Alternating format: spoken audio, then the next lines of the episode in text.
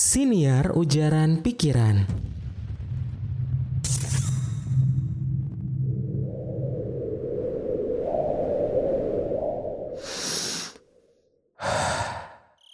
Sesaat menarik napas panjang, bak hadiah spektakuler untuk menyelaraskan pikiran dan juga badan. Suasana di Bandung, kota kembang, sangat memfasilitasi proses penyadaran diri. Riuhnya suara jangkrik dan katak di lapangan, kepakan sayap dari kelelawar, ditambah indahnya pesona bulan di cakrawala. Huh, ternyata dunia udah pesat banget perkembangannya. Sekarang ngajak main bisa dari mana dan kapan aja. Bersyukur juga kalau dipikir-pikir aku hidup di masa ini. Masa di mana industri yang udah berintegrasi dengan teknologi dan perkembangannya sangat masif. Para ahli sih bilangnya revolusi industri 4.0 dan revolusi ini bisa diartikan sebagai adanya ikut campur sebuah sistem cerdas serta otomasi dalam industri. Aku ingat, pantas saja aku bisa mainin YouTube sampai berjam-jam. Fungsionalitas rekomendasi yang di dalamnya ada machine learning pasti berkontribusi pada sistem ini. Kadang lucu aja, kok bisa gawai yang sekecil kepalan tangan mampu berkoneksi dengan satu dunia yang luas banget. Kalau diinget lagi, waktu aku umur 7 tahun, di mana hiburan cuman berasal dari televisi nasional dan bermain bersama teman, Kayaknya jarang tuh teknologi yang bisa aku akses saat itu. Semuanya serba konvensional. Ngajak main aja mesti datang dulu ke rumahnya. Terus nyebut namanya tiga kali dan gak lupa diakhiri dengan kata main yuk. Kalau beruntung, teman kita lah yang keluar pertama kali dari pintu tempat tinggalnya. Tapi gak jarang yang keluar bisa aja anggota keluarga lainnya. Dan jadinya aku harus makan dulu karena niat baik keluarga temanku di rumahnya. Makanan buatan keluarga teman aku nggak kalah enak kok sama buatan mama di rumah. Kalau dibandingin sama emang-emang di pinggir jalan, ya aku sih lebih suka mesen ya yang punya emang-emang itu. Ngomongin mesen makan, aku juga sadar udah gampang banget buat menuhin keinginan isi perut. Dulu Ketika mau beli makan, harus berangkat sendiri. Belum lagi kalau penuh, harus antri. Tapi sekarang, makan tinggal beberapa kali sentuh, udah dianterin sama ojek online. Belum lagi, teknologi saat ini ngebantu banget buat masalah pembayaran. Adanya financial technology mempercepat transaksi pemesanan makanan biar gak usah capek-capek lagi. Bayar pakai uang cash ataupun transfer dana di mesin ATM masalah upaya dan usaha tereduksi optimal dengan adanya teknologi. Hmm, saking senangnya sampai nggak kerasa makanan di rumah temen udah habis aja. Kita pun bergegas menuju ke lapangan dan eksplorasi pun dimulai. Segala permainan diselenggarakan, mulai dari ucing kena, ucing sumput, bahkan hingga bercengkrama kita lakukan sampai langit petang pun muncul. Kalau aku nanya adikku, hal-hal itu udah jarang banget terjadi. Apalagi di tengah pandemi. Mungkin hanya dua atau tiga kali terjadi dalam satu minggu. Sisanya, mereka bermain sendiri dengan teknologi yang udah diberikan oleh orang tuanya. Yap, handphone alias gawai. Mereka pun mulai asik dengan dunianya sendiri. 6-10 jam sudah terlewat untuk memainkan gawai saja. Mulai dari MOBA, game aksi, sampai Ludo King pun dimainkan. Entah dopamin yang dipunya sudah terpenuhi atau bahkan telah tumpah saking banyaknya. Orang tua pun bilang, gak apa-apa, yang penting dia senang dan nggak keluar rumah. Sebuah perkataan bijaksana yang menunjukkan teknologi telah berhasil punya peran seorang teman untuk anak-anak. Begitu pula buat diriku dan teman-teman mahasiswa serta pelajar lainnya. Teknologi sangat membantu kita untuk memfasilitasi kegiatan belajar. Dulu, buat sekolah, kita harus berangkat pagi menggunakan transportasi bila jauh dari rumah belum lagi harus mandi, sarapan, gosok gigi, siapin buku, dan juga bawa bekal untuk istirahat. Tapi coba lihat sekarang, dengan teknologi, pelajar dan mahasiswa nggak usah lagi melakukan rutinitas tersebut. Jadi, ada waktu kosong untuk aktivitas lainnya. Dan manfaat yang paling jelas terasa oleh kehidupan aku, ya tentunya beragam perangkat lunak yang terus-terusan bermunculan untuk mempermudah aktivitas manusia.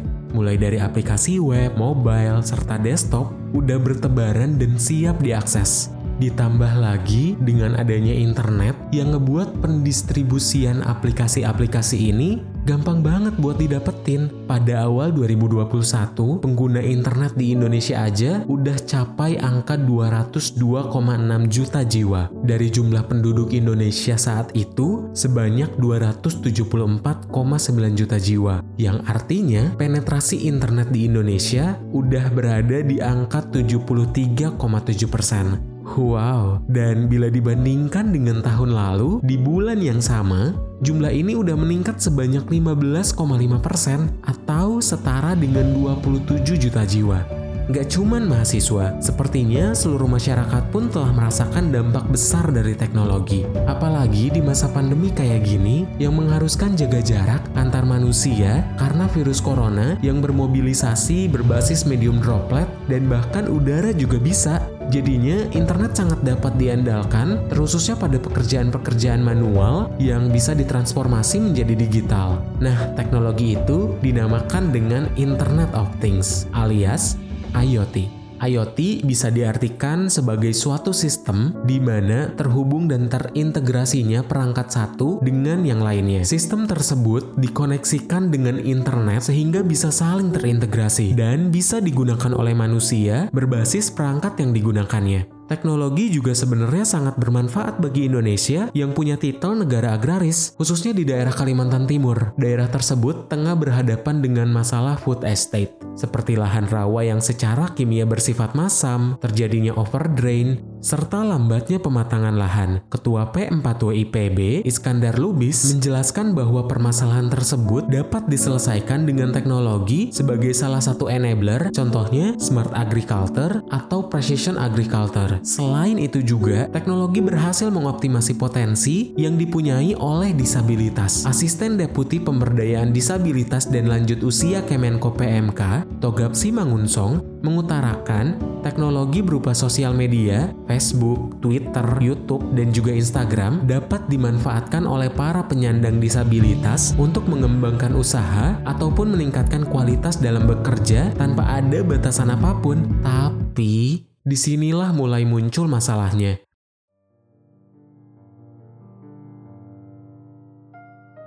Kadang karena saking gak ada batasannya, ada masyarakat yang keenakan dan ambil celah untuk terus bermedia sosial, sampai-sampai mengalami kejadian fear of missing out. Hootsuite dan We Are Social telah mempublikasikan laporan bertajuk Digital 2021 dari laporan tersebut, didapatkan pengguna internet banyak melakukan aktivitas berselancarnya di media sosial. Setidaknya ada 170 juta jiwa orang Indonesia dengan rata-rata waktu 3 jam 14 menit untuk bermedia sosial. Nggak usah jauh-jauh ambil contohnya, Aku sendiri pernah mengalami kejadian ini. Sebuah tape ini akan menjelaskan kronologisnya.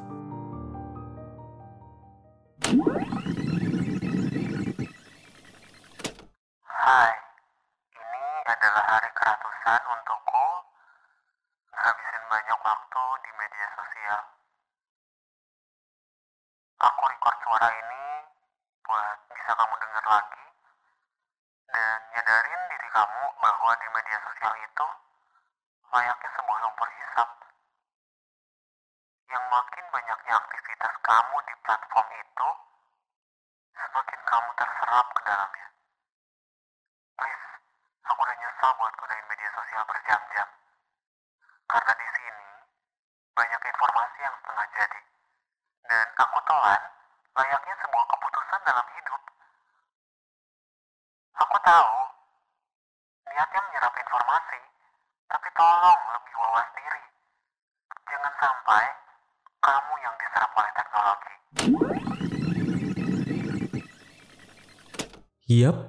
dan aku sekarang tersadar bahwa media sosial punya kecanduan atau adiksi yang sangat kuat. Hal ini pun udah disetujui sama dokter spesialis kedokteran jiwa bahwa seseorang yang candu akan media sosial punya gejala yang mirip seperti adiksi narkoba karena yang disasarnya pun tetap sama, yaitu sistem yang ada di otak. Dan kalau kamu tahu, sebuah penelitian dalam pertemuan Association for Psychological Science di San Francisco tahun 2018 ada lima cara penggunaan media sosial yang bisa nimbulin depresi. Ada ngebanding-bandingin, ada perasaan terisolasi, ada doom scrolling, ada kurang tidur, sampai ke cyberbullying. Ternyata, media sosial emang dirancang untuk membajak psikologi manusia agar penggunanya tetap online selama mungkin demi menghantarkan iklan sebanyak-banyaknya. Salah satu caranya dengan menciptakan fungsionalitas yang berupa penghargaan bagi penggunanya like, komentar, serta notifikasi yang diterima di ponsel melalui aplikasi-aplikasi media sosial memberikan perasaan positif bahwa pengguna diterima secara sosial. Ujung-ujungnya, ya dopamin juga yang dihasilkan. Dan ketika mulai berhenti untuk bermedia sosial, yang artinya nggak dapat dopamin, pengguna pun merasa ketakutan, gelisah, dan kesepian. Obatnya, bagi sebagian orang dalam tanda kutip hanya dengan kembali ke ponsel untuk mendapatkan kesenangan tersebut. Namun, kan sebenarnya ya teknologi dikembangkan untuk membantu manusia dan emang itu tujuan awalnya ketika pas pada takarannya. Ketika udah berlebihan, inilah garis start untuk mulai kontrol diri. Hingga kini, aku masih terus berusaha untuk mulai mendetoks penggunaan sosial media. Aku mulai menyadari sejak kejadian FOMO berlangsung. FOMO adalah kecemasan terus-menerus ketika tahu orang lain sedang mengalami hal yang menyenangkan dan kita tidak ada di situ atau tidak terlibat di dalamnya. Teknologi informasi dan digital memudahkan kita untuk berbagi kegiatan personal serta mempublikasikannya ke kalayak Jadinya, ya fenomena FOMO bisa mudah banget untuk terjadi. Dan untuk menyelesaikannya, aku melakukan sosial media detox. Ini merupakan agenda healing diri sendiri dengan cara menjauh dari sosial media agar pikiran dan kesehatan mental tetap ada dalam otoritas diri sendiri. Spesifiknya, aku jauhin smartphone dari jangkauan, matiin notifikasi sosial, sulitkan akses ke media sosial, sampai ke digital detox retreat. Pokoknya, ketika aku udah kelelahan, khususnya mental, sebisa mungkin menjauh dari teknologi, lalu ubah titik perhatian kepada hal baik yang udah ada di hidup aku.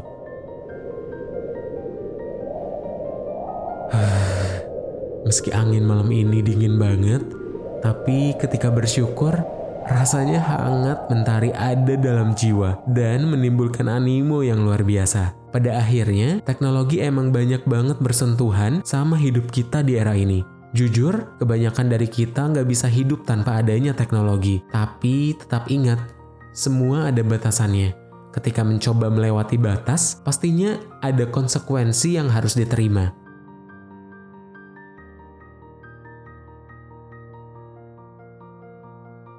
Kita semerdeka itu buat tentuin mau menyerap teknologi atau diserap teknologi. Terima kasih.